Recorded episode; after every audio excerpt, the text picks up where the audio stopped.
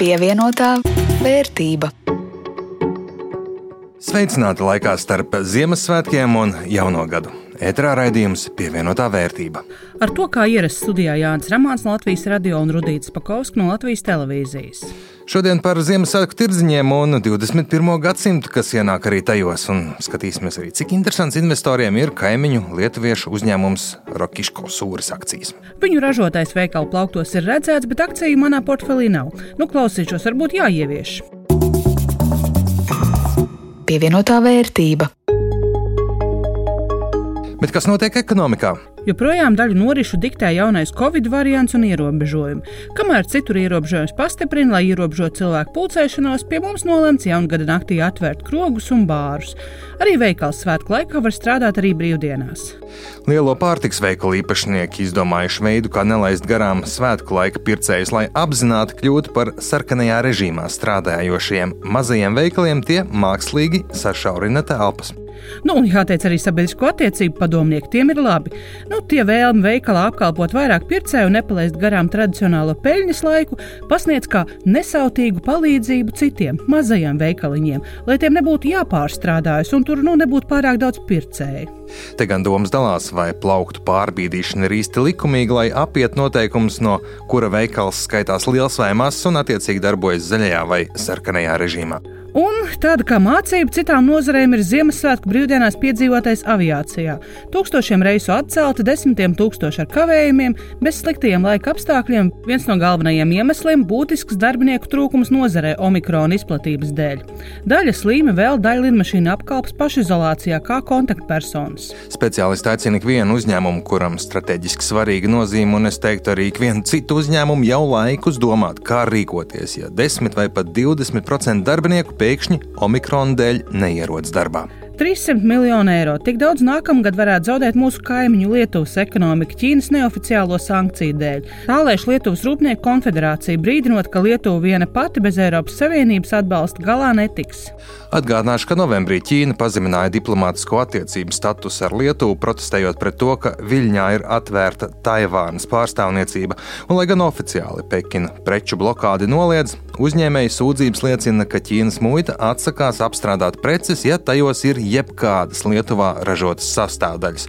Un tas sāk ietekmēt arī citu Eiropas valstu kravus, piemēram, Vācijas un Baltijas tirzniecības kamera nesen brīdināja Lietuvas valdību, ka Ķīnas noteiktie ierobežojumi var likt Vācijas investoriem slēgt ražotnes Lietuvā un bez īpašām ilūzijām nākamais gads nāk ar cenu kāpumu, galvenokārt energoresursu dārdzības dēļ. Turpmākā pusgada laikā maizes cenu kāpums varētu būt ap 30%. Lēš Latvijas maiznieku biedrība piebilstot, ka tā kā neviens negribēs strādāt ar zaudējumiem un savu ārtavu klāt piemetīs arī tirgotāji, pircējiem veikalā galu galā varbūt pat varētu būt jāmaksā par 50% vairāk. Un nedomāju, ka maize būs vienīgais, kam cena kāps, jo tieši tāda pati situācija un tieši tāda pati loģika arī citiem ražotājiem. Gada nogalē bizness, kā tādi amerikāņu kalniņi, bija visiem tiem, kuriem nozīmīgs ir uh, tas pārdošanas apjoms, ko pārdod tieši dažādos Ziemassvētku tirdziņos. Te tie bija aizliegti, te atļauti, te var reklamēt, te nevar, bet nu beigu beigās tirdziņi bija, un uz vienu no tiem pašā Rīgas centrā Vērmanas dārzā devos arī es.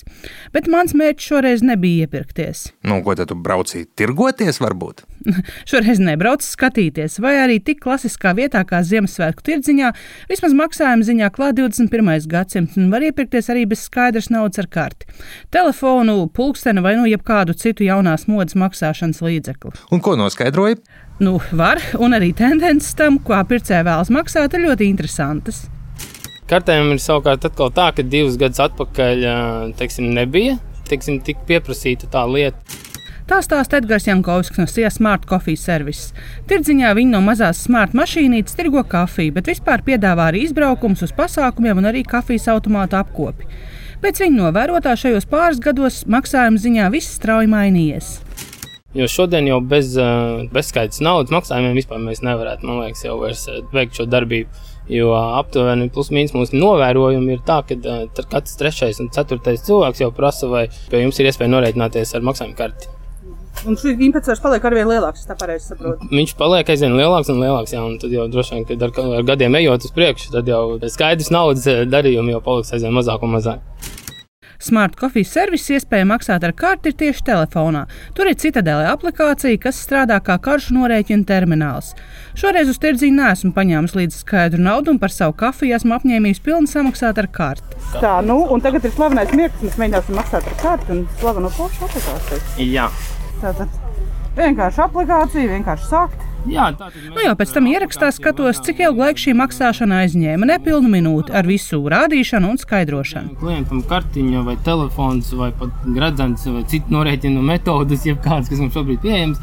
Mēs pieliekam telefonam aizmugurītē pie NFC saucamā modulīša, un tad darījums mums ir veiksmīgi apstrādāts. Dažus soļus tālāk tirgojas Ansis Buļķis, Taste of Latvijas veidotājs.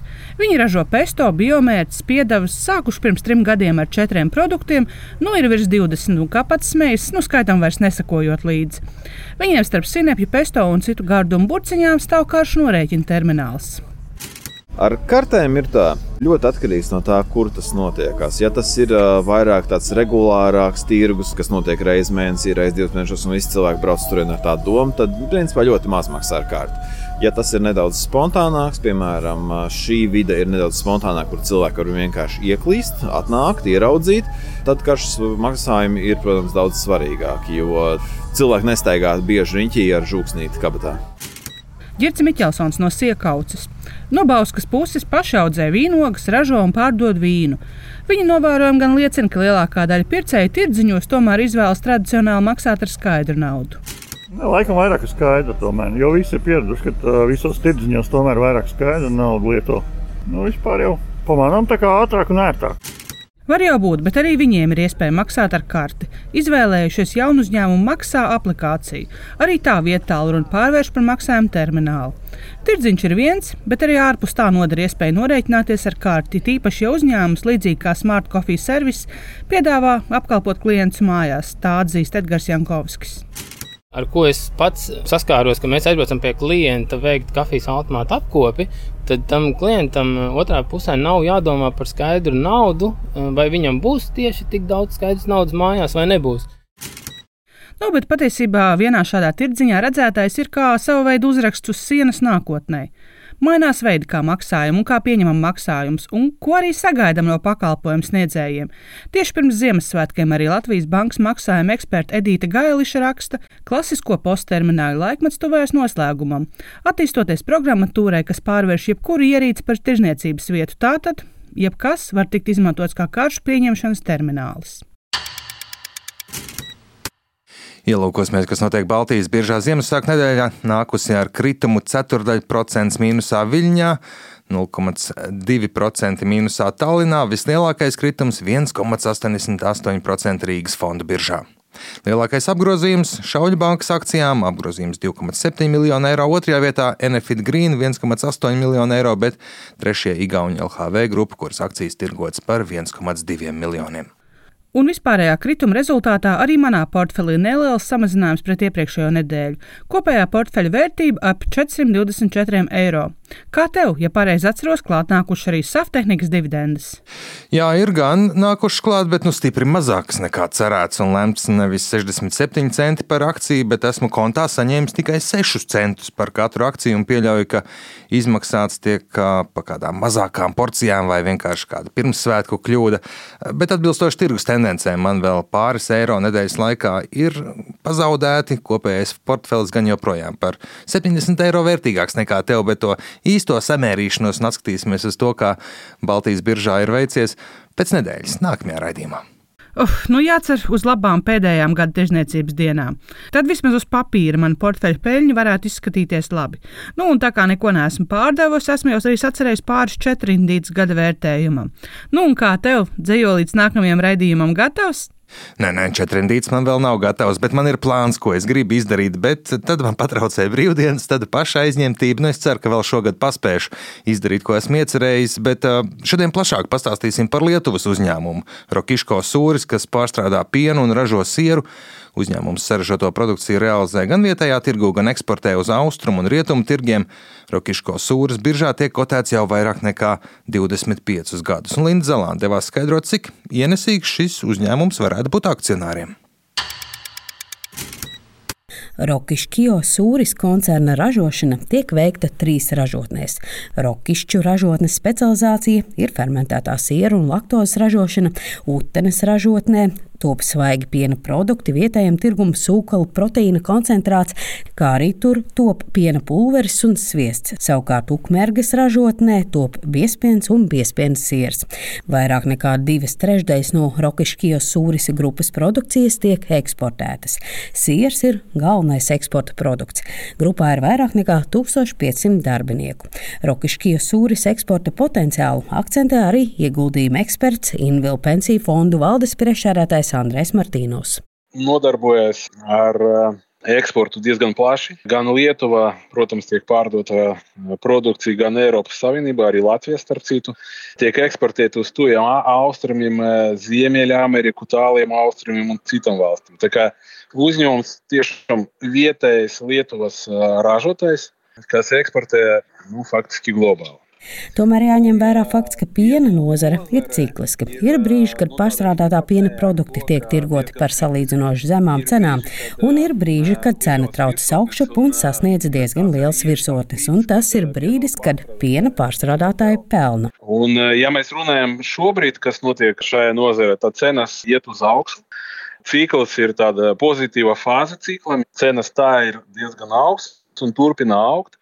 Līdz uh, vēsturiski augstākam cenam vēl ir nu, ceļš, vēl uh, nav sasniegts. Un iespējams, ka nu, tie rekordi tiks pārsniegti, ņemot vērā to, ka Tomēr Eirozona un vispār pasaulē ir vērojama inflācija. Uzņēmuma nosaukumā jau pateikts, ka tā galvenais produkts ir siers, jo sūris lietuviski nozīmē siers. To apliecina arī ražošanas apjomi. Rokiškija sūris gadā saražo vairāk nekā 30 tūkstošu tonu fermentētā siera un lauvas tiesu no tā eksportē. Šīs uzņēmums nodarbojas ne tikai ar tādiem tradicionāliem piena pārstrādes produktu ražošanu, tradicionāli kā tur piens, jogurts, biespiens un tādas lietas, skābais krējums, bet arī ar cieta un puscieta siera ražošanu. Brīdī, kad cenas iet uz augšu, viņi gūst peļņu ne tikai no tā, ko viņi saražo šobrīd, nopelnīt vairāk no tās ražošanas, ja, bet uzsakuši ražot pēc gada, pusotra, pa diviem gadiem. Ja, ceļš tas attiecas uz cietu sieru.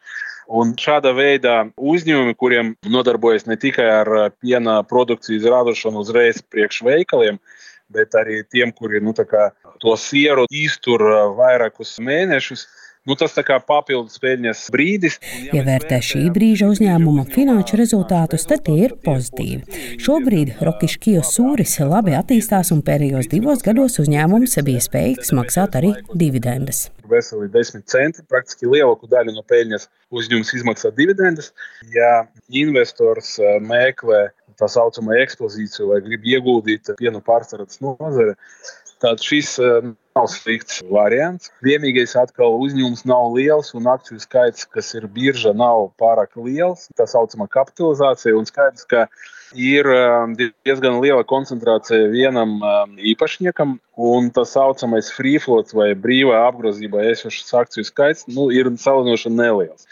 Un tas nozīmē, ka nu, tādi pat nedaudz lielāka interese no pircēja puses un no pārdevēja puses nu, nodrošina jau kaut kādu svārstību. Ar to ir jārēķinās. No dividendžu izmaksas aspekta raugoties, šis uzņēmums ir pateicīgs investoriem. Tomēr jārēķinās, ka biznesa lēmumus, jeb stūri, tur viens liels akcionārs, kuram pieder vairāk nekā 50% akciju, un tas arī lem par šī uzņēmuma darbības virzieniem un stratēģiju.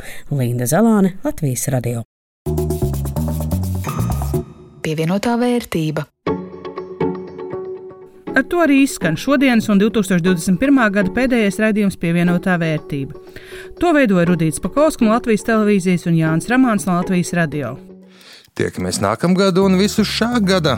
Pievienotās vērtības raidījums var noklausīties jebkurā jūsu iecienītākajā raidierakstu klausīšanās vietā. Pievienotā vērtība.